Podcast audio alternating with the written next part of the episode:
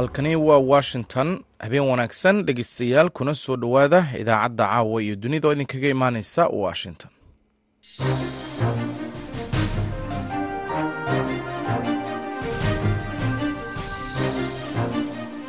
Waa fiidnimo axad ah bisha febraayo ee sannadka labaatankana waa waxaad naga dhegaysanaysaan mawjadaha gaagaaban ee mitirban iyo bogga v o dtcom saacadda afrikada bari waa toddobadii fiidnimo. Idaacadda caawa iyo dunida waxaa idinla socodsiinaya anigoo ah maxamed bashiir cabdiraxmaan.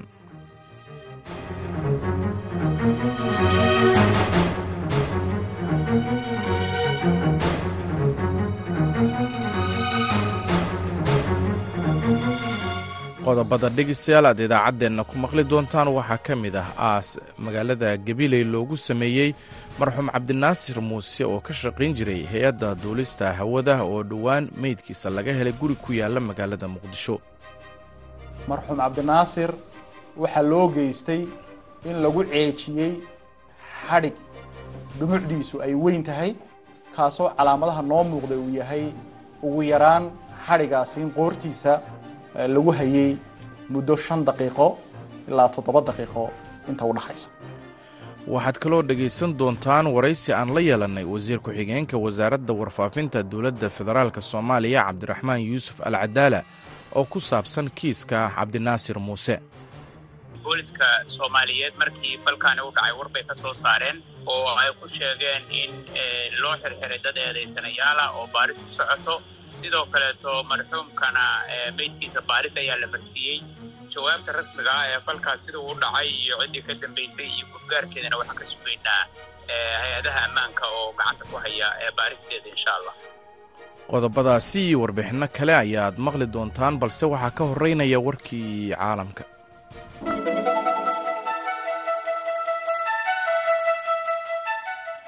Ururada gargaarka ayaa cabsi ka qaba in dhibaato bani-aadantinimo oo cusub ay ka dhacdo gobolka bari ee jamhuuriyadda dimuqraadiga ah ee kongo halkaasi oo jabhadda hubaysan ee m saddex iyo labaatan ay horumar ka sameynayaan aagga dagaalka iyagoo halis ku ah in ay go-doomiyaan magaalo weyn ayna taasi keento in malaayiin qof ay u baahdaan raashin iyo gargaar caafimaad.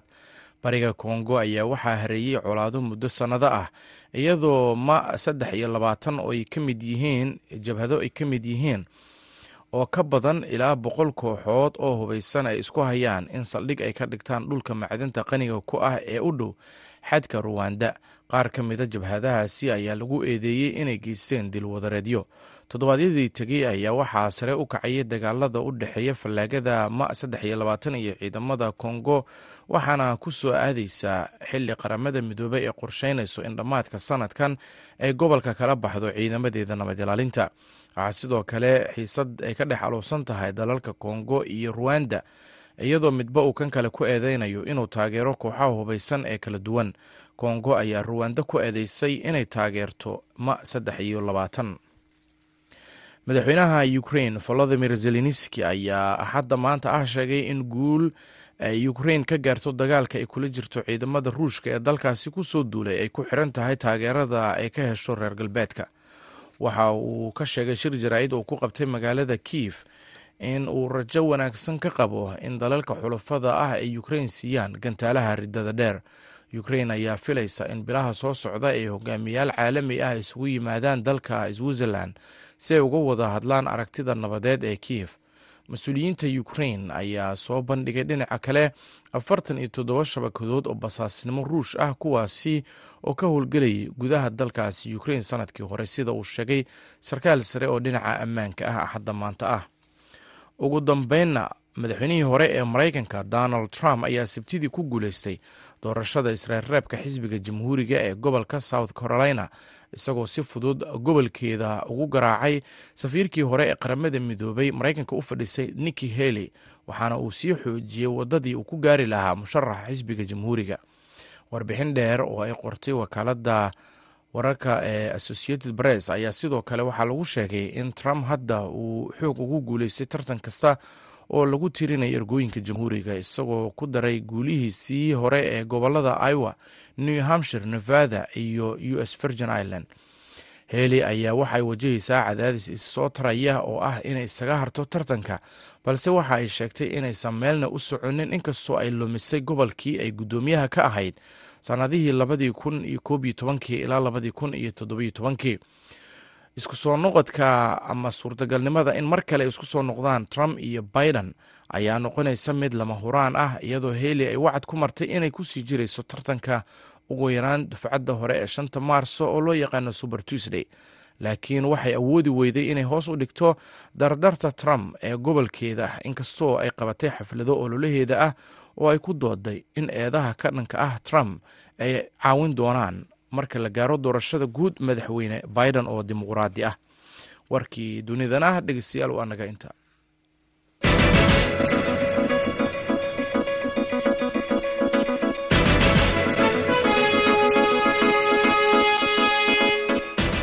Halka wararkaasi aad kala socotaan waa laanta afka soomaaliga ee v o a oo si toos idinkaga imaaneysa washington. Fiidnimo wanaagsan mar kale waxaa magaalada gabiley lagu aasay allaha u naxariistee marxuum cabdinaasir muuse dahable oo dhowaan meydkiisa laga helay magaalada muqdisho. Aaska marxuumka waxaa ka qayb galay dadweyne badan iyo madax kala duwan uu ka mid yahay madaxweynaha somalilan muuse biixi cabdi. Waxaa warbixintan magaalada hargeysa ka soo diray xamse cali jeesto.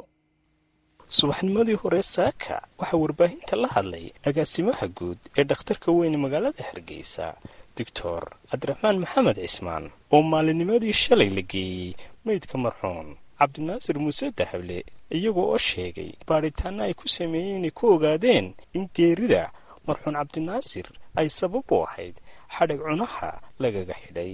Marxuum cabdinaasir waxaa loo geystay in lagu ceejiyey xadhig dhumucdiisu ay weyn tahay kaasoo calaamadaha noo muuqda uu yahay ugu yaraan xadhigaasi in qoortiisa lagu hayay muddo shan daqiiqo ilaa toddoba daqiiqo inta udhaxaysa waxa kale oo nooga muuqday marxuum cabdinaasir oo baadhitaanka nooga soo baxay in daanka midig uu jaban yahay jug weynina ay gaadhay daankiisa midig oo taasina ay keentay runtii dhibaato weyn ama jug weyn oo kaga dhacday daanka midig.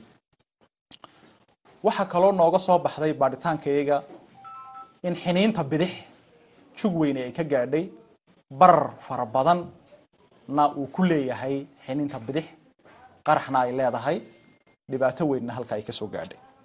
Waxaa kaloo noo soo baxday baadhitaankayaga in isha bidix ay burbursan tahay gebi ahaanba ishiisa bidixna burbur weynba iyadana soo gaadhay.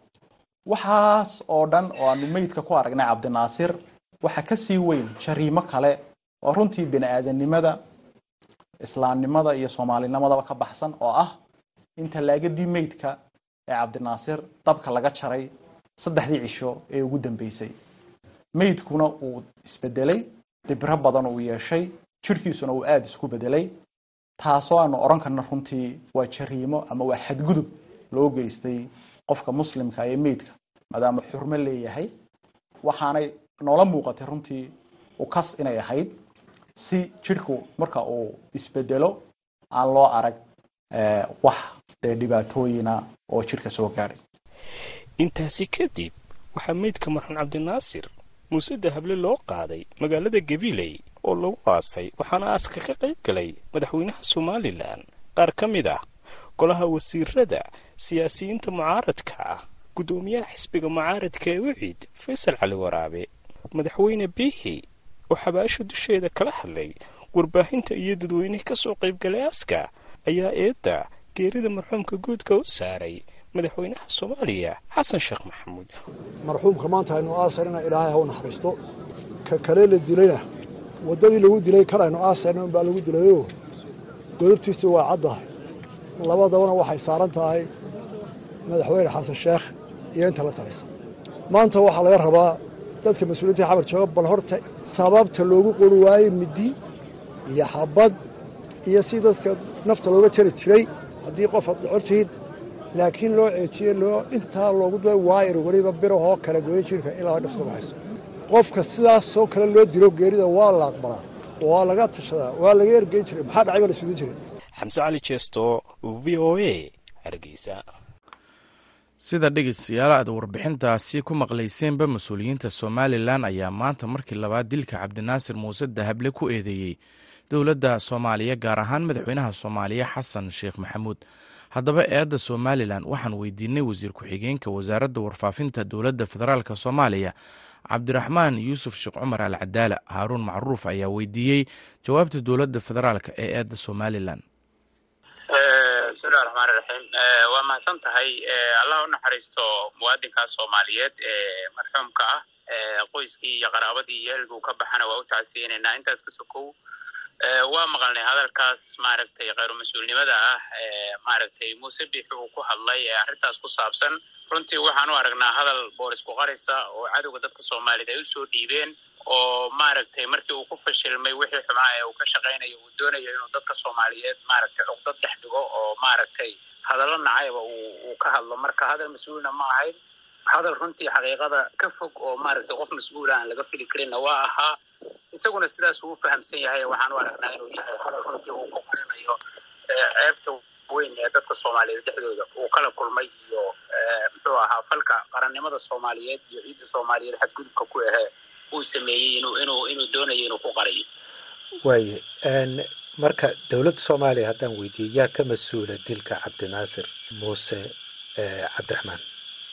Haarun arrintaas waa arrin dabcan booliska soomaaliyeed. Markii falkaani u dhacay war bay ka soo saareen oo ay ku sheegeen in loo xirxiray dad eedaysanayaala oo baaris ku socoto. Sidoo kaleeto marxuumkana meydkiisa baaris ayaa la marsiiyey jawaabta rasmiga ah ee falkaas sida uu dhacay iyo ciddii ka dambeysay iyo gudgaarkeedana waxaan ka sugaynaa hay'adaha ammaanka oo gacanta ku haya baaristeeda insha allah waayo dhinaca sida u dhintay marka ay noqoto mas'uuliyiin caafimaada oo somalilan a hadlay waxay sheegeen in dilkiisa ay sabab u ahayd xarig qoorta looga xiray. Mid ka mida indhihiisa dhaawac xun loo geystay daanku uu jabnaa qaboojiyihii uu ku jiray laga jaray korontada oo uu isbedelay jirhkiisa jawaabtiina. Runtii arrintaas waxaan rabaa horta inaan u dayno arrintaas ninkaas waa muwaadin soomaaliyeed. Allah u naxariisto geeridiisa waa ka xunnahay qoyskiisana waa u tacsiyadaynaynaa muxuu ahaa baarista arrintaas ku saabsanna kama hordhacayno oo ka sugaynaa inay soo saarto muxuu ahaa faahfaahinteeda. Ma doonayno muxuu ahaa muwaadinkaa soomaaliyeed marxuumka geeridiisa iyo dhiiggiisa in maaragtay la siyaasadeeyo ama warar aan sax ahayn laga faafiyo aad iyo aadna waa uga xunnahay dadka soomaaliyeed ee deegaanadaas ku noolna hadallada maaragta marin habaabinta ah ee cadowga dadka soomaaliyed ay ka dambeeyaan inay ka digtoonaadaan ayaan maaragta muxuu ahaa kula dardaarmaynaa waana rajaynaynaa inay sidaas u fahamsan yihiin. Waxa intaas ka baxsan muwaadiniinta soomaaliyeed meelo badan bay ku dhintaan shilalku siyaabo kala duwan bay u dhacaan magaalada muqdisho muddooyinka la soo dhaafay shilal kala duwan oo dadka soomaaliyeed taabtay baa ka dhacay. Dadkaa soomaaliyeed ayuu ka mid yahay oo maaragta waxyeeladu ay soo gaarayso oo faldambiyeedyada ku dhacaya. Baaristiisuna way socotaa wixii ka soo baxaan sugaynaa. Wixii intaas ka soo hare ee hadallada gefka ah iyo wararka maaragtay muxuu ahaa aan anshaxa iyo diinta iyo akhlaaqdaba waafaqsanayn ee ka soo baxaya muuse iyo waxaan rajaynayaa inay dadka soomaaliyeed iyo waxgaradkooduba ka dharagsan yihiin oo ay fahamsan yihiin inay yihiin war aan ka imaan dad soomaaliyeed oo uu yahay war runtii la doonayo in dadka soomaaliyeed nacayb looga dhex abuuro markii lagu fashilmay in lagu kala qaybiyo oo dhulkooda iyo baddooda lagu qaato muxuu ahaa dabaylo iyo narratifyo beenahoo la abuuro in marka hadda la isku dayayo in boorka la isku qariyo insha allah kaasina waxa uu ahaa wasiir ku-xigeenka wasaaradda warfaafinta dowladda federaalk soomaaliya cabdiraxmaan yuusuf al cadaala waxaana uu u waramayey haaruun macruuf.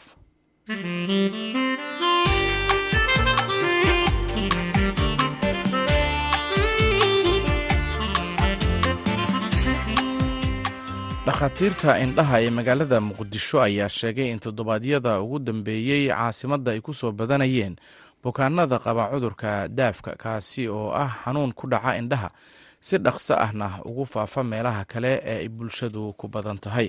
Haddaba saameynta cudurka daafka ama bakuuraha uu ku yeesho qofka uu asiibo iyo qaabka lagu daweyn karo ayuu wariyaha v o a ee magaalada muqdisho xasan kaafi cabdiraxmaan qoyste waxa uu ka wareystay doctor cabdisamed xasan haye oo ah agaasimaha cisbitaalka indhaha mustaqbal ee magaalada muqdisho xasan kaafi aad baa u mahadsan tahay beryahan magaalada waxaa ku jira cudurka daafka ama bakoorada soomaalida ay u yaqaanaan. Waa cudur safmara oo epidemic ah. Xilligiisina waa la joogaa xilliyada kulaylaha oo dabayshu inta badan ay jirto. Sababahan ku ogaanana waxaa ka mid ah bukaanada noo yimaada saddex meelood meel ka mid ah. Waa bukaano indhaha ay guduuteen calaamadihii daafka lagu yaqaanana qaba. Oo indhihii guduudan indhihii fiish ah indhihii isku dhegaya iyo qoysaskii oo hal qof markii uu qaadaba qoyska intiisa kalena maaragtay indhihii ay xanuunayaan. Waa cudur viral ah waa wakhti gooni uu leeyahay ilaa shan maalmood ilaa toban maalmood uu socdaa markaas marka inta badan waa waxa keena cudurkan viral oo adenoviral oo type seven iyo iyo iyo iyo iyo ilaa siddeed iyo toban. Marka wuxuu awoodaa inuu ku noolaado dhulka dushiisa muddo dheer ilaa usbuucyo fara badan waa culus safmar ah. Inta badanna waxaa laga helaa meelaha dadka isugu yimaadaan sida iskuullada iyo meelaha zaxmada suuqyada waaweyn iyo iyo maaragtay hosbitaaliska isbitaallada waa wakhti yar buu jiraa laakiin haddaan degdeg loo daaweyn wuxuu noqonayaa cudurkan wuu ka sii darayaa qofka dhibaatooyin fara badan u keenaya oo indhihii wuxuu gaarsiin karaa shaashadan aragga ay soomaalida u yaqaanaan shaashadda madow oo loo yaqaano koorniyaha ama luqa carabiya qaraniyada.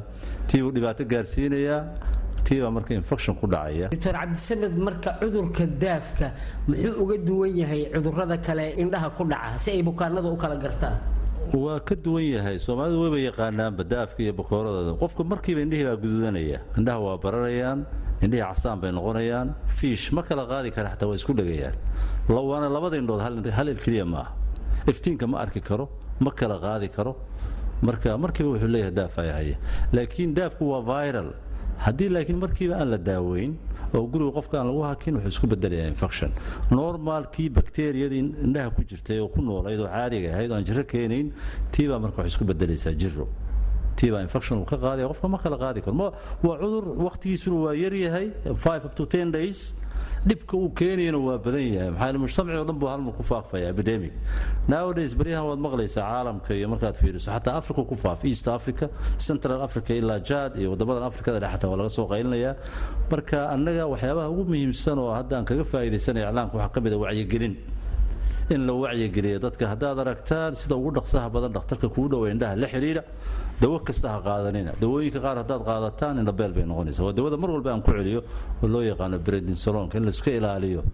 Waa la siin karaa laakiin haddii koorniyaha mashaashada madowga ee bannaanka ee madowga ay u yaqaanaan soomaalida haddii dhibaata ay ku dhacdo ay caddaato bredinsolonka lama siin karo. Waa dilaa indhaha ah oo mararka qaar infectionka zaa'idinaya haddaan si proper loo daaweyn waa tahay cudurkan sidaad sheegtay waa cudur safmar ah marka maxaa keenay sidiisaba cudurkan waa nooc ka mida jeermiyada loo yaqaano viral adonoviral waa hawadaas uu ku imanayaa muugta waa safmar waa viral viralka inta badan treatmentka gooni ma laha qofka waa la nasiyaa waa la sugaa laakiin waa viral awooda inuu meelaha kulaylka ku noolaado dabayshana way qaadaysaa marka markiiba qofka markay indhaha ka gasho waxaa laga yaaba qofka inuu gacantiisa ku marmaro waxay isku bedelaysaa marka jermy infection ah waa tahay. Qaab noocee ah ayay bulshadu isugu gudbiyaan cudurka marka? Waxay isugu gudbin karaan taabashada qofka inuu salaamo asoo qofkii qaba ama mare uu ku tirtirtay maaragtay inuu qofkii kale isticmaalo ama qofka markuu u soo dhawaada xataa hawadii hawadii baa batinaysa. Ma fahamtay marka jermiga hawadigaa qaadaysa marka hal mar baa waxaa laga yaabaa iskuulaadka ardadii intuu la fadhiyay ama suuqii intuu maray oo dhanba inuu qaado marka. Hawadan waa lagu kala qaadaa gacanta la istaabsiiyana waa lagu kala qaadaa qofkii oo uu qabo weel uu isticmaalay ama mare uu isaga tirtirayna waa lagu kala qaadaa waa intaas shay. Waa tahay. Marka dhammaan cudurka daafka dadka qaba ma isku qaabaa loo daaweeyaa mise iyaga laftirkoodaa kala duwan cudurka oo qofba daawo gooniyaa la siiyaa marka ugu horayso bilowga uu yahay intuu ku eg yahay konjontayba wareegan caadiga aan madowga ahayn isku dawaa loo qaataa. Laakiin hadduu ka gudbo oo shaashada u gudbo ay soomaalida u yaqaanaan madowga oo koorniya wuu ka duwanaanayaa markaas. Treatmentigii dawadii la siin lahaa wuu ka duwanaanayaa. Hadduu shaashadii sii dilaaciyo ama caddaan ku beerana tii hore ka duwan uu qaadanaya marka antibiotic. Marka waa kala system waa kala heerheer markuu caadiga yahay oo guduudka ku eg yahay waa la siin karaa weak steroid khafiif prednisolone aad u yar oo khafiif ah iyo antibiotic t t c. Laakiin hadduu shaashadda u gudbo wuu ka duwanaanaya waxay noqonaysaa waa in la siiyaa ointmentiga viralka ee cyclovir i ointment iyo wax xanuunka ka baabiiya oo cycloplegic ah iyo antibiotic. Haddii laakiin uu shaashadii uu sii dilaaciyo caddaan uu noqdo wuxuu noqonayaa fortified antibiotic culus oo halkii saaca mar la siinayo in la siiyo. Doctor cabdisamed ugu dambayntii carruurta iyo dadka waaweyn saameyn noocee ah ayuu ku yeelan karaa cudurkan daafka? Caruurta iyo ragga waaweyn dadka waaweyn waa isku mid laakiin carruurta maadaama difaaca jirkooda uu aada u hooseeyo way ka nugul yihiin inuu markiiba faafo way ka nugul yihiin inuu markiiba faafo. Marka ayagana inta badan dee waa hayjinkoodana wuu yaryahay umana adkaysan karaan mar walbana gacanta lagama celcelin karo. Marka gacanta ay ku ruxruxayaan ay ku riixayaan waxay keenaysaa jermi inuu ku faafo shaashadii kore. Marka wuu ka halis badan yahay haddii loo fiiriyo dadka waaweyn carruurta. Iyo carruurta halis badan. iyo dadka waaweyne da-da ah labadaba maaragta difaaca jirkooda uu hooseeya. Haddaan markiiba laga gaarin waxay noqonaysaa in kahor annaga waxa noogu daran waa shaashadda markuu gaaro oo drobiskii dhibcihii infectionkii malaxdii ay ku dhacdo meesha shaashada kore way isbedelaysaa. Marka waxay noqonaysaa infection ku dhaca shaashada kore. Waa midda ugu daran daawadeedana ugu dhib badan tahay haddaan laga taxadirin kaasina waxa uu ahaa doctor cabdisamed xasan haye oo ah agaasimaha cisbitaalka indhaha ee mustaqbal ee magaalada muqdisho waxaana uu waramayey xasan kaafi qoyste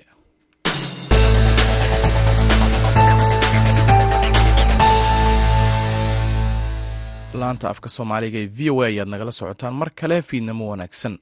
Madaxweynihii hore ee maraykanka donald trump oo haatan ah musharaxa doorashada madaxtinimo ee dhacaysa sanadkan ayaa sabtidii ku guuleystay doorashada isreereebka xisbiga jamhuuriga ee gobolka south carolina. Isagoo si fudud oo gobolkeeda ugaga adkaaday safiirkii hore ee qaramada midoobay maraykanka u fadhisay nikki haley oo isla gobolkaasi horey guddoomiye uga soo ahayd warbixin ay qortay wakaaladda wararka associated press. Waxaa noo soo koobaya ibraahim xasan daanduray. Trump ayaa hadda xoog ugu guulaystay tartan kasta oo lagu tirinayay ergooyinka jamhuuriga isagoo ku daray guulihii hore ee iowa new hampshire nevada iyo virgin islands ee maraykanka hali waxa ay wajahaysaa cadaadis isa soo taraya oo ah inay isaga baxdo tartanka balse waxa ay sheegtay in aysan meelna u soconin. Inkastoo ay lumisay gobolkii ay guddoomiyaha ka ahayd sannadkii labada kun kow iyo tobankii ilaa iyo toddoba-iyo tobankii. Isku aadka labaad ee trump iyo madaxweyne joe biden ayaa noqonaya mid lama huraana hali waxay wacad ku martay inay ku sii jirayso tartanka ugu yaraan super tuesday. Laakiin waxa ay awoodi weyday inay hoos u dhigto dardargelinta trump ee gobolkeeda inkastoo ay qabatay xaflado kale ee ololaha kuna dooday in eedaha ka dhanka trump ay carqaladayn doonaan. Wakaaladda wararka ee associated press ayaa waxa ay ku dhawaaqday in trump uu ku guulaystay iyadoo codbixintana la xiray guud ahaan gobolka toddobadii fiidnimo weligay ma arkin xisbiga jamhuuriga oo u midaysan sidan uu hadda yahay ayuu trump yidhi isagoo taagan masraxa oo uu ka jeedinayay khudbaddiisii guusha daqiiqado yar kadib markii la xiray codbixinaha. Waxa uu intaas ku daray oo uu yidhi waxaad dabaaldegi kartaan ilaa iyo shan iyo toban daqiiqa laakiin marka waa inaan ku soo laabanaa shaqada. Doorashada horudhaca ee koowaad ee gobolka south carolina ayaa taariikh ahaan u ahayd gambaleelka laysku halayn karayo jamhuuriga. Dhammaan marka laga reebo hal horudhac tan iyo kun sagaal boqol iyo siddeetankii ayaa musharaxa ku guulaystay xisbiga jamhuuriga ee south carolina. Waxa uu noqday musharaxa xisbiga marka laga reebo newt gingrich sannadkii labada kun laba iyo tobankii trump ayaa awood waxa uu ku lahaa guud ahaan gobolka xitaa waxa uu hogaaminayay degmada lexton oo hali ay matashay golaha sharci dejinta ee gobolka. Qaar badan oo ka mida dadka south carolina ee taageera trump xitaa qaar hore u taageeri jiray. Hali xilligii ay ahayd guddoomiyaha ma aysan doonaynin inay iyadu ku guulaysato gobolkeeda. Davis powell oo soddon iyo lix jir ah ayaa ka sheegay hali oo yidhi waxay samaysay waxyaabo wanaagsan. Mar uu isagu ku sugayey trump isu soo baxa dhowaan ka dhacay conway. Laakiin keliya uma malaynayo inay diyaar u tahay inay la dagaalanto musharax sida trump oo kale ah. Umana malaynayo in dad badan ay awoodaan ayuu yidhi. Xarumaha hali ayaa taageerayaal waxa ay habeennimadii sabtidii ay ka luleen calaamadaheeda shaashad weyn oo ay ka soo muuqatay khudbadda trump. Hali ayaa masraxa qaadatay qiyaastii hal saac kadib oo tiri waxaan maanta arkay waxa ay ahayd south carolina oo ka niyad jabsan jihada waddankeenna. Niijabkaasi oo kale ayaana ku arkay waddanka oo dhan. Ma aaminsana in donald trump uu ka adkaan karo joe biden ayay tiri hali iyadoo intaasna ku dartay. Waxaan sheegay horraantii toddobaadkan in wax kasta oo ka dhaca south carolina aan sii wadi doono tartanka. Waxaan ahay qof dumara oo qowle waxay sheegtay. Hali inay qorshaynayso inay aaddo michigan talaada kaasoo ah tartankii ugu dambeeyey ka hor maalinta loo yaqaano suber tuesday. Sidaasi oo ay tahana ay wajahayso su'aalo ku saabsan halka ay ku guulaysan karto tartan ama ay ku tartami karto trump iyo biden ayaa waxaa durbo ay u dhaqmayaan sidii ay filayaan inay foodda isdarayaan bisha november. Mahadsanid ibraahim xasan garabey daandurey oo noo soo warbixintaasi wakaaladda wararka e p. Dagaalka ka socda dalka ukrain oo laba sano jirsaday ayaa sababay dhibaatooyin baahsan welwel iyo walbahaar soo wajaha. Caruurta ay dhibaatadu saameysay kuwaasi oo qaar badan oo ka mid ah ay ka go-een qoysaskooda iyo asxaabtooda waxaana hakad galay hanaankii waxbarashada waxayna muddo bilo ah ku noolaayeen meelo qabow ah oo dhulka hoostiisa ah. Sida uu maalintii arbacadii u sheegay v o a afhayeen u hadlay hay'adda unisef warbixin waa wariyaha v o a ee wariyaha v o a lisa shlein ayaa warbixintan ka diyaarisay waxaana noo soo koobaysa caashe ibraahim aadan. Laba sano oo uu dagaalkani socday ayaa hadda burbur waxa uu ku hayaa caafimaadka maskaxda ee carruurta muddo sannado ah uma soo dhowaan meel uu iskuul ku yaallo amaba fasal iskuul mana arag saaxiibadood. Qaar badan oo saaxiibadooda ayaa maqan oo geeriyooday. Afhayeenka yunisef james elder ayaa v o e da sidaasi u sheegay isagoo ku sugan magaalada kharkiif ee dalka ukrain elder oo ku guda jira howlgal toddobaadla ah oo uu ku joogay dalka ukrain ayaa sheegay in xaaladda maanta ka jirta ay ka duwan tahay tii lagu jiray markii ruushka uu galay dalka ukrain afariy labaatankii bishii februaayo ee sannadkii laba kun laba iyo labaatankii. Laakiin waxa uu tilmaamay dareenka dadka ee murugada iyo cabsida ee sii jiray. Markii aan imid maalin kadib markii uu dagaalku bilowday waxaan joogay laviv oo daawanayay waxa ay ahayd dhibaatadii qaxooti ee ugu weynayd tan iyo dagaalkii labaad ee adduunka. Taasina waxay ahayd mid murugo leh sagootintan aan dhammaadka lahayn ee xaasaska ragga iyo dumarka leh aabbayaasha iyo carruurta una cararay xuduudaha ayuu yidhi. Inaan halkan joogo laba sano kadib gaar ahaan sannadkan kharkiif waxaan qabaa in weli ay murugo tahay. Waa cabsi dhaba in wixii dadkan ku dhacay shantii bilood ee ugu horreysay ay mar kale halkan ka dhici doonaan ayuu yidhi. Dagaalka kharkiif oo ah magaalada labaad ee ugu weyn dalka yukrain una jirta soddon kilomitir amaba sagaal iyo toban mayl xuduudda dalka ruushka ayaa dhacay intii u dhexaysay bishii februaayo afar labaatan iyo mey saddex iyo toban ee sannadkii laba kun laba iyo labaatankii. Waxa uu geystay khasaare aad u badan oo soo gaaray nolosha dad rayda waxaana uu sababay burbur iyo dhaawac lixaad leh oo soo gaaray kaabayaasha magaalada sida laga soo xigtay dowladda yukrain in ka badan saddex kun iyo siddeed boqol oo xarumo waxbarasho ah oo dalka ku yaalay ayaa la burburiyey taasoo si ba'an u hakisay helitaanka waxbarasho oo malaayiin carruur ah oo dalkaasi ku noolaa. Keliya laba ka mid ah toddoba boqol oo dugsi oo ku yaalla kharkiif ayaa bixiya waxbarashada sida tooska ah loo tago iskuullada. Inta badan carruurta waxa ay wax ku bartaan hannaanka onlineka. Kuwo kalena waxa ay dhigtaan amaba tagaan fasallo ku yaalla shan xarumood oo goobaha tareennada laga raaco ah oo laga dhigay dugsiyo dhulka hoostiisa ah. Elder waxa uu sheegay in luminta waxbarashada dugsiga dhexdiisa ay saameyn weyn ku leedahay caafimaadka maskaxda ee dhallinyarada. Waa inaan maqlaa waalidiinta iyo dadka bartay cilmi nafsiga oo igala hadlaya welwelkooda ku saabsan dhexgalka carruurta carruurta yaryar oo ka baqaya koox koox iyo dhallinta aan weligood is arkin ayuu yidhi. Go'doomintaas iyo la'aanta waxbarasho waxay ila tahay buu yidhi in ay guriga ku soo celinayso. Waxa qof kastaaba uu ka baqo. In nabarrada nafsiga ah ee kadib laba sano ay aad uga dhex muuqdaan dhallinyarada iyo waalidkood ayuu intaasi ku daray hay'adda qaramada midoobey ee yunisef waxa ay sheegtay in carruurta ku sugan magaalooyinka safka hore lagu khasbay inay wakhtigooda ku qaataan saddex kun ilaa shan kun oo saacadood oo u dhiganta afar ilaa toddoba bilood iyaga oo gabbaad ka dhiganaya saqafyada hoose iyo saldhigyada tareennada ee dhulka hoostiisa mara. Hay'addu waxay sheegtay in jiilaalkan uu gaar ahaan aad uga argagixiyey carruurta iyadoo kumanaan ay hoy ka dhigteen qabow iyo qolalka hoose ee qoyan ee dhulka hoostiisa ah iyada weerarada sii kordhaya ay qoysas badan ka dhigeen in ay waayaan kulayl biyo iyo koronto.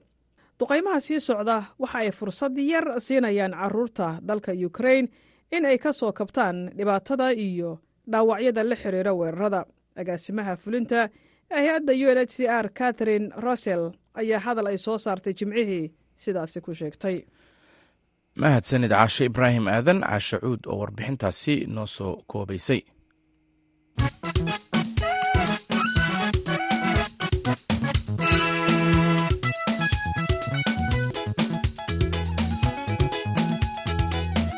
golaha wasiirada dagaalka ee israa'iil ayaa sabtidii isku raacay inay wadaxaajoodayaal u diraan dalka qatar si ay u sii wadaan wadahadallada ku saabsan xabajoojinta iyo isku celinta waa soo celinta ilaa boqol iyo soddon lahaystayaal ah oo lagu hayo khaza mas'uuliyiinta iyo warbaahinta gudaha ee israa'iil ayaa sidaasi wariyey warbixin ay qortay v o a waxaa noo soo koobaya jamaal axmed cismaan. Wafuudda israa'iil ayaa sabtidii ka soo laabtay wadahadalladii nabdeed ee ka dhacay magaalada baris halkaas oo jimcihii ay kula kulmeen dhexdhexaadiyaal ka socda qatar masar iyo maraykanka kuwaasoo horey u guulaystay xabadjoojintii bishii nofembar xilligaas oo tiro badan oo maxaabiis ay xamaas haysatay la sii daayey kuwaasoo lagu badashay maxaabiis falastiiniyiin oo israel u xirnaa. Golaha dagaalka israel ayaa sabtidii kulan yeeshay si ay warbixin uga dhageystaan kooxda wadaxaajoodyada sida uu sheegay tazaji hanagabi oo ah la taliyaha amniga qaranka. Waxay u badan tahay inay jirto meel lagu dhaqaaqo heshiis ayuu u sheegay tv-ga m news isagoo aan faahfaahintaasi ka badan bixinin sida ay ku warantay wakaalada wararka f p. Israel waxay doonaysaa in la sii daayo dhammaan lahaystayaashii lagu qafaashay weeraradii toddobadii oktoobar oo ugu horeeyaan haweenka. Laakiin hanagbi waxa uu intaasi ku daray heshiiska noocani micnihiisu maaha in dagaalku uu dhammaaday. Waxaa kale oo uu tilmaamay in israel aysan aqbali doonin heshiis kasta oo dhex mara maraykanka iyo sacuudiga oo ku aadan dowladnimada falastiiniyiinta warbaahintu waxay sheegtay in wakiilada falastiiniyiinta oo qorshahan arkay ay iska diideen. Qayb ka mid a qorshahan ayaa sidoo kale ka soo horjeeda waxay washington u rajeynayso gobolka kaas oo ah xal laba dowladood oo ay ku lug leedahay dowlad madax bannaan oo falastiiniyiintu ay leeyihiin. Kumanaan kun oo qof ayaa heegan ugu jiray lahaystayaasha waxaana sabtidii magaalada tel aviv ay ka dhigeen mudaharaadyo looga soo horjeedo dowladda halkaas oo boliisku ay sheegeen in ilaa shan qof ay u xireen dhaqan xumo xamaas ayaa hore u sheegtay inay sii dayn doonto boqol iyo soddonka qof ee hore ay u qafaasheen. Haddii kumanaanka falastiiniyiinta ay u xiran israel la sii daynayo islamar ahaantaasina ay israel joojiso duulaanka gaza kaasoo saraakiisha caafimaadka ee gobolka ay ku sheegeen in lagu dilay ku dhowaad soddon kun oo qof. Milatariga israel ayaa sheegtay sabtidii in dhimashada hal askari oo lugta ah ay ka dhigayso khasaaraha ciidankooda dagaalka gaza ka soo gaaray laba boqol soddon iyo sagaal qof. Israel ayaa sheegtay in ay dishay ilaa iyo laba toban kun oo dagaalyahanada xamaas ah mahadsanid mahadsanid jamaal axmed cismaan oo nala socodsiinayey warbixintaasi. Haatana dhegeystayaal waxaad ku soo dhowaataan barnaamijka wicitaanka dhegeystaha naga raali noqda warbixintaasi ama barnaamijkaasi dib ayaan idinkaga soo dayn doonaa markana afrika. Dalalka ku bahoobay urur goboleedka ecowas ayaa sabtidii sheegay inay xayiraadihii adkaa ka qaadayaan dalalka nijeer waa dalka nijeer xilli ay raadinayaan hanaan cusub ay ku wajahaan saddexda wadan oo ay militarigu gacanta ku hayaan inay ka baxeen ururkaasi dhaqaalaha iyo siyaasadda. Tallaabadaasi oo halis gelinaysa isdhexgalka gobolka. Warbixin arrintan ay ka qortay wakaalada wararka ee royters waxaa noo soo koobaya cabdixakiin maxamuud shirwac hogaamiyaasha bulshada dhaqaalaha ee dalalka galbeedka afrika ayaa yeeshay kulan ay kaga wada xaajoonayaan xiisadda siyaasadeed ee gobolkaasi ay afgembiyadu saameeyeen iyada oo dalalka ay militarigu gacanta ku hayaan ee naijer burkina faso iyo weliba maali ay go'aankoodu noqday in ay ka baxaan ururkan oo ay ku midoobeen shan iyo toban waddan. Kadib wadahadal ay albaabadu u xidhan yihiin oo ururkan ikowas ay yeesheen ayay ku sheegeen inay go'aan ku gaadheen in ay deg deg u qaadaan cunqabataynaha oo ay ku jiraan xuduuddii la xidhay xayiraaddii bangiga dhexe hantidii dowladda iyo weliba sidoo kale joojintii lagu sameeyey waxiswadaarsigii dhinaca ganacsiga war ay soo saareen ayay sidoo kale ku xuseen in tallaabadan loo qaaday sababa dhinaca bini'aadamnimada balse waxaa loo arkaa astaan islaab xaadhashaa xilli ururka ikawaasu isku dayayo inuu waajaho saddexda dale ay militarigu gacanta ku hayaan inay ku sii jiraan xulafadan oo soo jirtay ku dhowaada konton sannadood. Qorshahan ay jaraha ku beddelayaan ayaa keeni doona inuu dhibaato ka badbaadiyo. Habsami socodkii ganacsiyo weliba adeega ee ururkan oo qiimo ahaan dhan ku dhowaada boqol iyo konton bilyan oo dollar sannadkii. Sidoo kale waxay sheegeen inay cunuqabateyno doora ka qaadeen dalka gini oo isagu aan hore uba sheeginba inuu rabo inuu ka baxo xubinnimada ururkan ikawas hase yeeshee dalalka kale militarigu ay gacanta ku hayaan ama aanay dhinacooga xaqiijinin wakhti ay rabaan inay dib ugu soo celiyaan xukunkii dimuqraadiga ah ee dalalkaasi.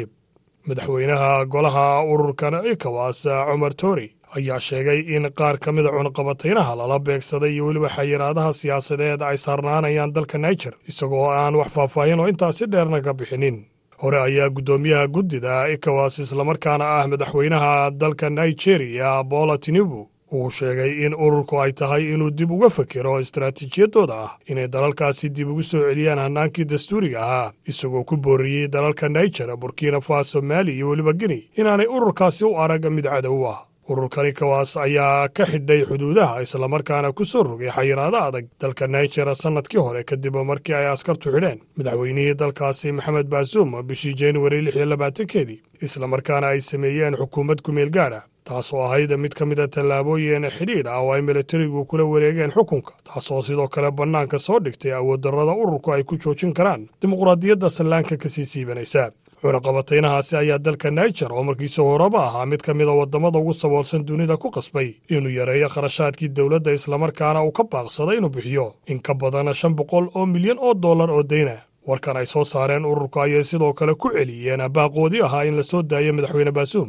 islamarkaana waxay ku celiyeen codsigoodii ahaa in militarigu ay keenaan jadwal la aqbali karo oo ay xukunka ku wareejinayaan. Afgembiga dalka niger ayaa daba socday laba afgembi oo ka dhacay labada dale ay jaarka yihiin ee maali iyo burkina faso saddexdii sannadood ee la soo dhaafay taasoo ka dhigtay aaga ku jira gacanta xukuumadda militariya taasoo sidoo kale ka fogaysay dalkii hore u gumaysan jiray ee faransiiska iyo weliba xulafo kale oo reer galbeed ah. Militariga ayaa sidoo kale qabsaday awoodda dalka gini sannadkii laba kun iyo koob iyo labaatankii. Ururkani kawaas ayaa sidoo kale cunaqabatayn ku soo rogay dalka maali taasoo ahayd tallaabo ay ku riixayeen in la soo celiyo xukunkii dastuuriga ahaa. Inkastoo haddana ay ka qaadeen sannadkii laba kun iyo labaiyo labaatankii saddexdan waddan ayaa cunaqabataynahan ururka ku tilmaamay hannaan sharci darraa islamarkaana kubaba saleeyey go'aankooda ay kaga baxeen ururkan islamarkiiba xataa iyagoo aan dabiqin hannaankii u yaalay marka laga baxayo ururka. Mahadsanid cabdixakiin maxamuud shirwac markana dhegeystayaal waxa aad ku soo dhowaataan barnaamijka wicitaanka dhegeystaha waxaa soo diyaariyey soona jeedinaya nuur xasan nuur nuur bukhaari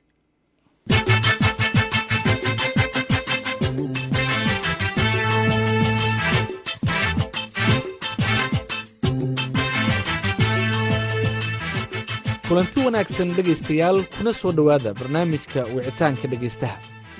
Wax soo saarka beeraha ayaa ka mid ah ilaha ugu waaweyn ee dhaqaalaha soomaaliya hase yeeshee sannadihii dhowaa waxaa aafeeyey abaaro iyo fatahaado soo noqnoqday. Gobollada shabeellaha dhexe iyo hiiraan oo ka mid ah gobollada uu maro webiga shabeelle ayaa ka mid ah deegaanada ugu badan ee wax soo saarka beeraha soomaaliya. Haddaba sidee ayay fatahaadihii dhacay u saameeyeen beeraleyda iyo wax soo saarkooda maxaa ka mid ah dalagyada ugu badan ee xilligan tacban sideese looga hortegi karaa fatahaado kale oo uu webigu sameeyo. Su'aalahaasi iyo kuwo kale ayaa waxaa nooga jawaabi doona wasiir ku-xigeenka wasaaradda beeraha ee dowlad goboleedka hirshabeelle maxamed bashiir qaasim oo ku magac dheer daqare wasiir waa mahadsan tahay? Kusoo dhowow barnaamijka wicitaanka dhegeystaha ee v o a. Aadaa u mahadsan tahay waa ku dhowaa waa mahadsan tahay bal marka hore noo faahfaahi xaaladda guud ee beeraha iyo beeraleyda hirshabeelle ee xilligan. Haddii aan kaaga warramo xaaladda guud ee beeraleyda ee hirshabeelle marxalado kala duwan ayay soo mareen. Waxaad moodaa fasaladii isku xigay in waxyeelo ay ka gaaraysa xagga fatahaadaha marna ay noqonayso biyo la'aan. Fasalka ugu dambeeyey waxyeelada gaadha beeraleydaas waxay noqotay laba boqol afartan iyo shan kun oo hektar oo dala ku yaalay ayaa ka go'ay fatahaadaas oo ahayd mid aad u tan badan oo tankii loogu talagalay ka badnaay inino marka xaaladaas ayay beeraleydu martaa inta badan. Waxaadna moodaa in beeraleydu haddii ay fasalkaanay beerihii tacbadaan ama fatahaad goyso fasalka kale waxaa laga yaabaa sidai ay ku tacban lahayd inay caqabad ku tahay. Wasaaradduna waxay ku dadaashaa mar kasto sidii ay beeraleydaas ku dhiirigelin lahayd fatahaadihii loogu hortegi lahaa loo caawin lahaa hadday noqon lahayd abuur xaaladda ay ku sugan yihiin marka beeraleydu waa sidaas. Waa gartay. Marka wasiir waxaad ka dhawaajisay in dhul ka badan laba boqol oo kun oo hektar ay fatahaadihii la soo dhaafay gaar ahaan tii hadda ugu dambeysay ay baabi'iyeen guud ahaan hirshabelle marka meelaha ugu daran haddii aad noo sheegto waa intee? Runtii hirshabelle beeraleydu laba nooc waaye. Nooc waxay ku waraabaan webiga noocna roobka lixda degmo ee webiga maro beledweyne buliburte jallaqsi mahadaay jawhar iyo balxadba beeraleydaas waa saameeyeen biyihii fatahaadii ka soo baxay ee beerahaasi wadagoy inta badan qaybtii kiliga shiinaha ka baxday waxay ay biyahaasi gaareen wallaweyn sidoo kale kuwii ka baxay dhanka hurwaa ayaguna dalag badan ay gooyeen. Hawaaley ayay webiga ugu shubeen. Dhanka kale ayay ka gudbeen waxay isugu tageen waddada weyn ee wallaweyn marka fatahaaddu waa dareemi kartaa inta baaxad ay dhul ay goysay dhul aan weligood biyo teginay mareen. Waxyaaladaas marka aaday u ballaarnayd sidoo kale beledweyne fatahaadii ka dhacday dad ayaa ku dhintay. Beeraleydii biyihii fatahaadaas webiga bari iyo qoraxsinba fatahaad ayaa saamaysay. Guud ahaan marka qiyaasta aan hayno laba boqol afartan iyo shan kun oo hektar ayay waxyeelo gaarsiisay oo dalab ku yaalla waaya marka taasi waxay ka dhigan tahay siday ila tahay in wax soo saarkii beeraha hirshabelle ay aada u saamaysa fatahaadaasi marka sidee ayay u saamaysa nolosha beeraleyda? Runtii qofka beeraleyda laba nooc waaye. Kuwa beeraley waaweyn ama iskaashitooyin waaye. Kuwana waa beeraleyda yararka ah. Ninka beeraleyda yararka ah wuxuu ku nool yahay tacabka fasalkii wuxuu tacbado ayuu ilaa fasal kale ku nool yahay. Waxaa laga yaabaa inuu beertii dayn ku fashay saamaynta ay gaarsiin karto waa dareemi kartaa maxaa yeelay asigoo beertii laga yaabay makiintii iyo wixii dayn ku fashay. Haddii ay ka go'do waxaa laga yaabaa marka saamaynta ay ku yeelan karto fasalka kalena. Inuusan tacbo karin laga yaabay xitaa deyntii inuu beertiisa dib ugu iibiyo marka saamayn aan la taaban karin oo aan la qiyaasi karin ayaa ka soo gaari karta beeraleyda marka maadaama fatahaadaha ay soo noqnoqdeen tii hadda ugu dambeysana xilligii dayrtii iyo tii gugii maaragta hore inkastoo dayrtii ay aada u xoganayd ilaa iyo hadda marka ma biyihii weli ma ku jiraan beeraha mise waa ka baxeen oo runtii annaga waxaan rajaynaynay fasalka ugu dambeeyay in wax fatahaada hirshabelle ka dhicin. Waxaad moodaa tankii webiga wax ka tan badan inay biyahaasi ay ahaayeen oo ku talagalkeeni meelaha qaar ka luntay. Beeraleydii marka fatahaadii ay gaartay kuwana biyihii way ka baxeen oo ayaa ay ku hayaan. Kuwana biyo ayaa ku jiro. Meelo aan weligood biyo tegin ayay biyuhu gaareen oo laftigooda aan rajaynayno in loogu faa'iidaysto waxyeeladii gaartay beeraleydaas in meelihii ay biyaha gaareenna dib loo tacbado marka waxay isugu jiraan kuwa hadda bilow ah oo biyuhu ka baxeen oo la tacbayo iyo kuwa dhiman oo biyuhu ku jiraan. Marka maadaama khasaare xoog leh uu ka dhacay hirshabelle gaar ahaan beeraleyda oo maaragtay khasaarahaasina ay sababeen fatahaadihii dhacay wasaaraddaada beeraha maxay ka qabatay ama maxay u tartay dadka beeraleyda? Runtii annagu qorsheenu wuxuu ahaa in fatahaadi aysan dhicin. Waxaan samaynay carabuur fara badan. Xagga ilaah ayay ka dhacday. Tan logu tan ka badan tankii lagu talagalaya ee webiga uu qaadi jiray biyo ka badan ayaa yimid. Waxyaabihii aan qabanay waxaa ka mid ah carabuuraan samaynay waxaan rajaynaynaa hadda marka in kanaalkii sabuun oo aan hadda u helnay qorshe iyo mashruuc iyo xawaaley si marka biyaha webigaasi loogu neefiyo oo loo helo meel kayda oo biyaha lagu kaydiyo haddii webiga gurana dib biyaha loogu soo celiyo. Waxaan kaloon ka shaqaynaa kanaalla inaan dayactirno bacdamaa kanaaladii ay waxyeelo gaarsiiyeen fatahaadii la dayactiro si loogu neefiyo fatahaadii waxaan kaloo samaynaa beeraleyda. Waxaan hadda saynaa abuur oo lixda degmo beeraleyda yararka ah. Waxaan siinaa abuurkaas. Dhowaan cagafyaan u qaybinay lix cagaf oo degmada jowhar afar cagaf ah iyo laba cagaf oon beledweyne gaarsiinay. Waxaan dhisnay iskaashitooyin si ay isku kaashadaan. Tababaraan siinaa abuuraan siinaa waxaan isku daynaa beeraleyda yararka ah in laga caawiyo saddexda bilood ee dalaga uu soo go'aayo in lacag la siiyo oo bilo ah. Marka dadaal ayaan samaynaa sidaan ugu dhiirigelinayn beeraleydaas inay tacabka ku dhiirsadaan marka isbarbardhig ma sameysaan oo labada gobol ee maaragtay uu ku midoobay maamul goboleedka hirshabeelle dhanka beeraha meelaha ama saameyn ha noqoto ama wax soo saarka ha noqoto hiiraan iyo shabeellaha dhexe anagu degmooyinkayna siduu dastuurkayna qababa waa isku xaquuq. Meelihii ugu daran ayaa xooga la saaraa. Xooga ugu badan beledweyne ayaan saarnay in fatahaadii aan ka cirib tarno nasiib darro waa ogeyd fatahaadii ka dhacday. Degmooyinka hadda ugu darnaa fatahaadii dhacay macaddaa iyo jallaqsi ay ahaayeen. Qorshooyinkayna wuxuu yaha marka in beeraleydii awalan aan ka hortagno fatahaadii meelihii jilicsan aan carabuur ku samayno sabuun iyo xawaaley wax laga qabto kanaaladu aan badano beeraleydii loo dayactiro si fatahaaduu loogu yareeyo abuur la siiyo qiimayntaasi barbardhig waa noo samaysiyin hadba meeshii ugu dhibaato badan ayaa la xoojiyaa dhowaan waxaa ka dhawaajisay in biyo xireenada qaarkood sida kansabuun iyo biyo xireenka kale ee maaragtay xawaadley in aad qorsheynaysaan in aad dayactir ku samaysaan. Marka waana dabcan war wanaagsan oo marka goorma ayaa arrintaasi bilaab aad bilaabi doontaan maxayse ka tiri kartaa fatahaadaha soo laalaabta? Waxaan rajaynaynaa mashruucaasi dhowaan.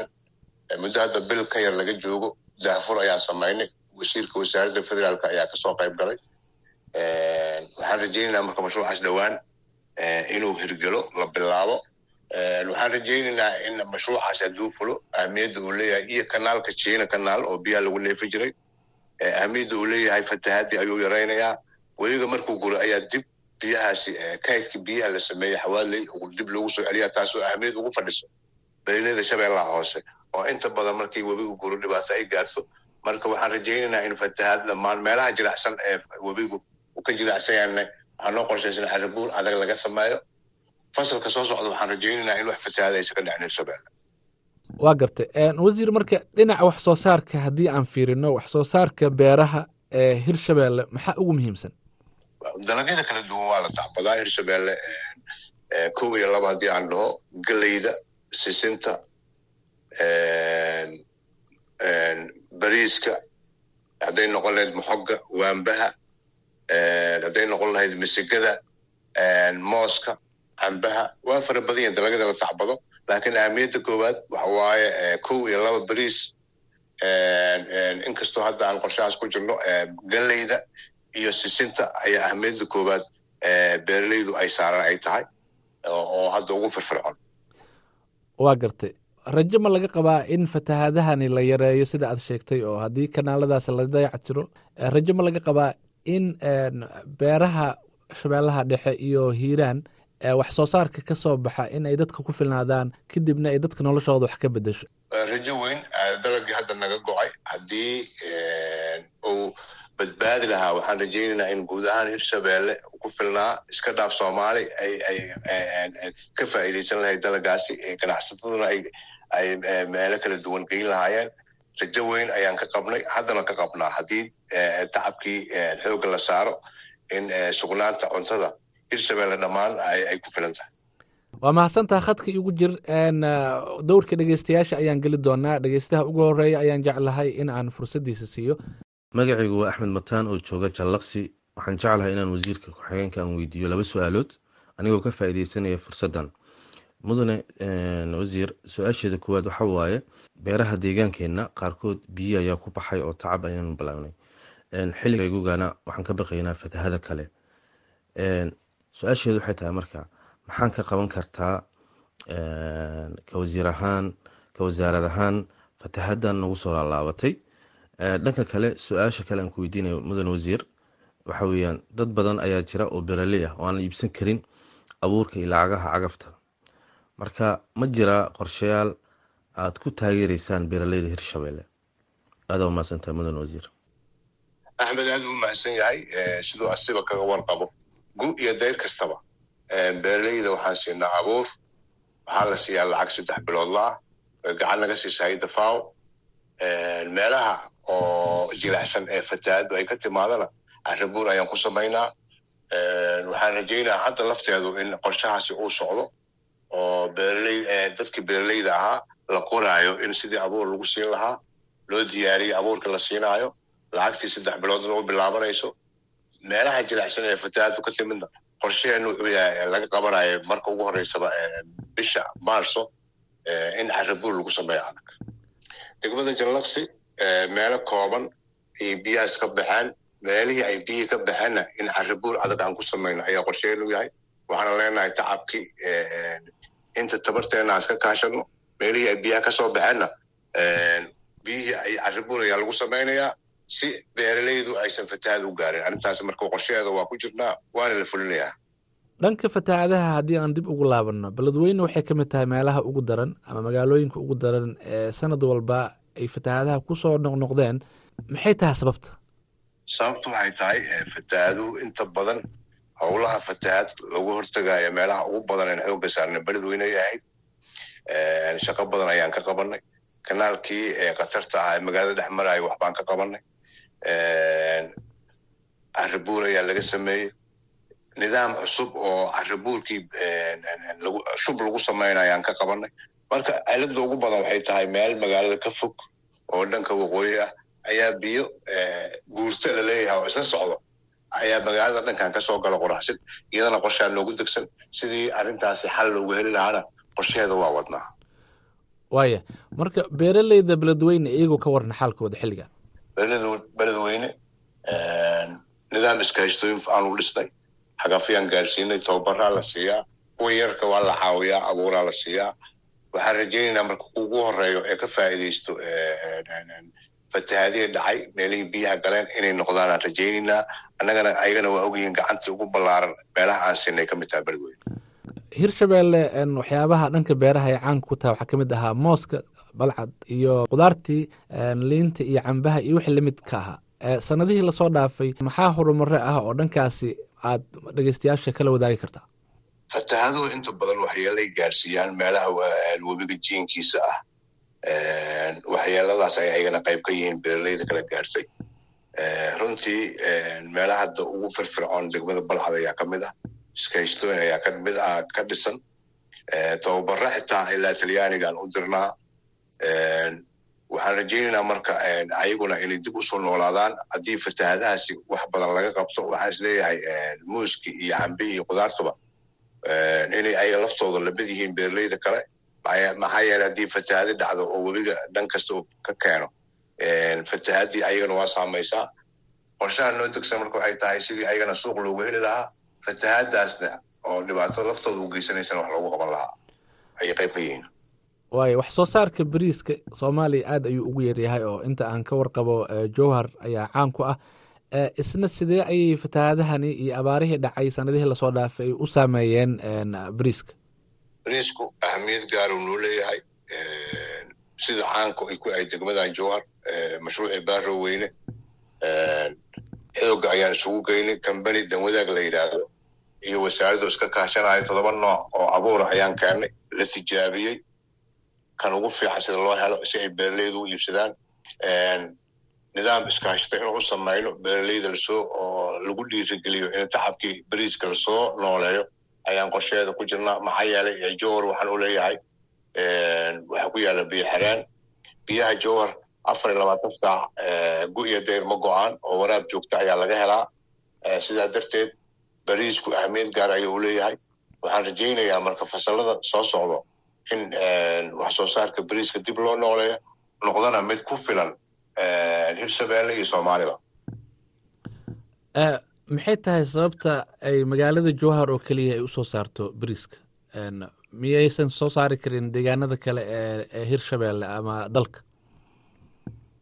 Laba sababaan isdhihi karaa. Sababta koowaad oo ahanta ciidda oo oo ah ciid ku habboon. Waxaa marka ka sii caawin karo biyaha joogtada ah hindoyda ku taallo iyo biyo joogta ah oo kanaalkeeda uusan go'ayn webiga hadduu noqo uu yaraado iyo hadduu bataba biyo joogta ayaa laga helaa ciiddii oo ku habboon iyo dadkii u diyaarsan aqoontii bariiska. Intaasaa u waa garta. Wasiir marka marka laga hadlayo wax soo saarka beeraha sanadihii la soo dhaafay waxaa caqabad ku ah sida ay beeraleyda inoo sheegeen. Fatahaadahan soo laalaabtay maaragtay sanad walba laga yaaba laba jeer inuu webiga ku fataho. Hiiraan iyo shabeellaha dhexe iyo meelaha kale uu maro. Marka maxay tahay sababta fatahaadahani ay u soo laablaabanayaan sanadihii la soo dhaafay? Maxaa xal hoose u haysaan waxaan ka fikirayna haddaan rabno ina qorshaheeda qabanno in bacaad bixin lagu sameeyo webiga. Maxaad moodaa inuu webigii soo yaraaday? Oo taasoo sal u ah marka waxaad moodaa degmooyinkii webiga maraayay iyo tuulooyinkaba. In qashinkii iyo wasaqdii degmooyinkii lagu shubaayo webigii. Taasi waxyeelle waxay gaarsiinaysaa webigii.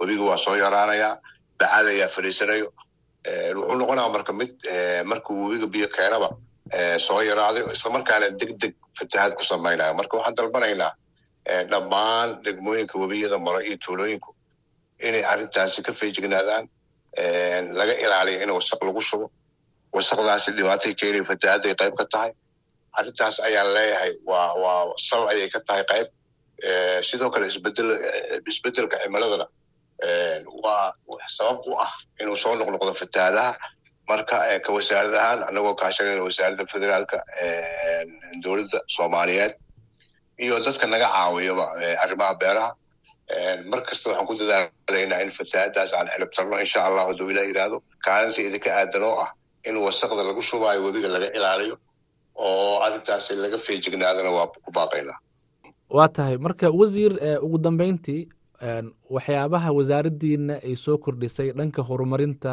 beeraha ha noqoto tacabka ama dalagyada iyo halka aad teegsanaysaan runtii waxaan rajaynaynaa in looski ganacsigu beeralaydu si u hormaro looskii inaan aan aan aan wax badan ka qabanayno. Maxoga waambaha dalagyadaas kala duwan sidii loo horumarin lahaa bariiska. Ahmiyadda koowaad ayaan saarnay. Waxaan rajaynaynaa beeralayda qaar ka mida iskaashatooyinka dalaga u soo go'o in laga iibsado oo raashinkii dibadda laga keenaya laga kaaftoomana w f b ayaan heshiis kala galnay si aan u dhiirigelino dalabkii soo go'o in laga iibiyo. Haddaan tusaale ka soo qaato looska iyo iyo waambaha iyo maxogu iyo mooska waxay ka mid yihiin dalagyada in la dhoofiyo sisinta ugu muhiimsan. Marka arrimaha aan soo kordhina waxaa ka mid ah dalagyadaas muhiimka ah ee ganacsiga geli kara la dhoofin karo inaan horumarino.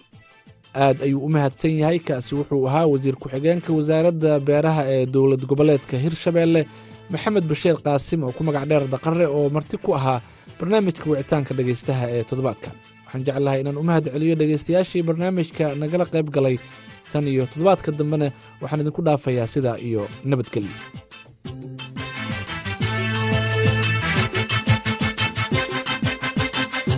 mahadsanid nuur xasan nuur nuur bukhaari oo nala soo codsiinaya barnaamijkaasi wicitaanka dhegeystaha. Markana dhegeystayaal waxaan idiin soo qabanaynaa codadka cabdikariim shaax iyo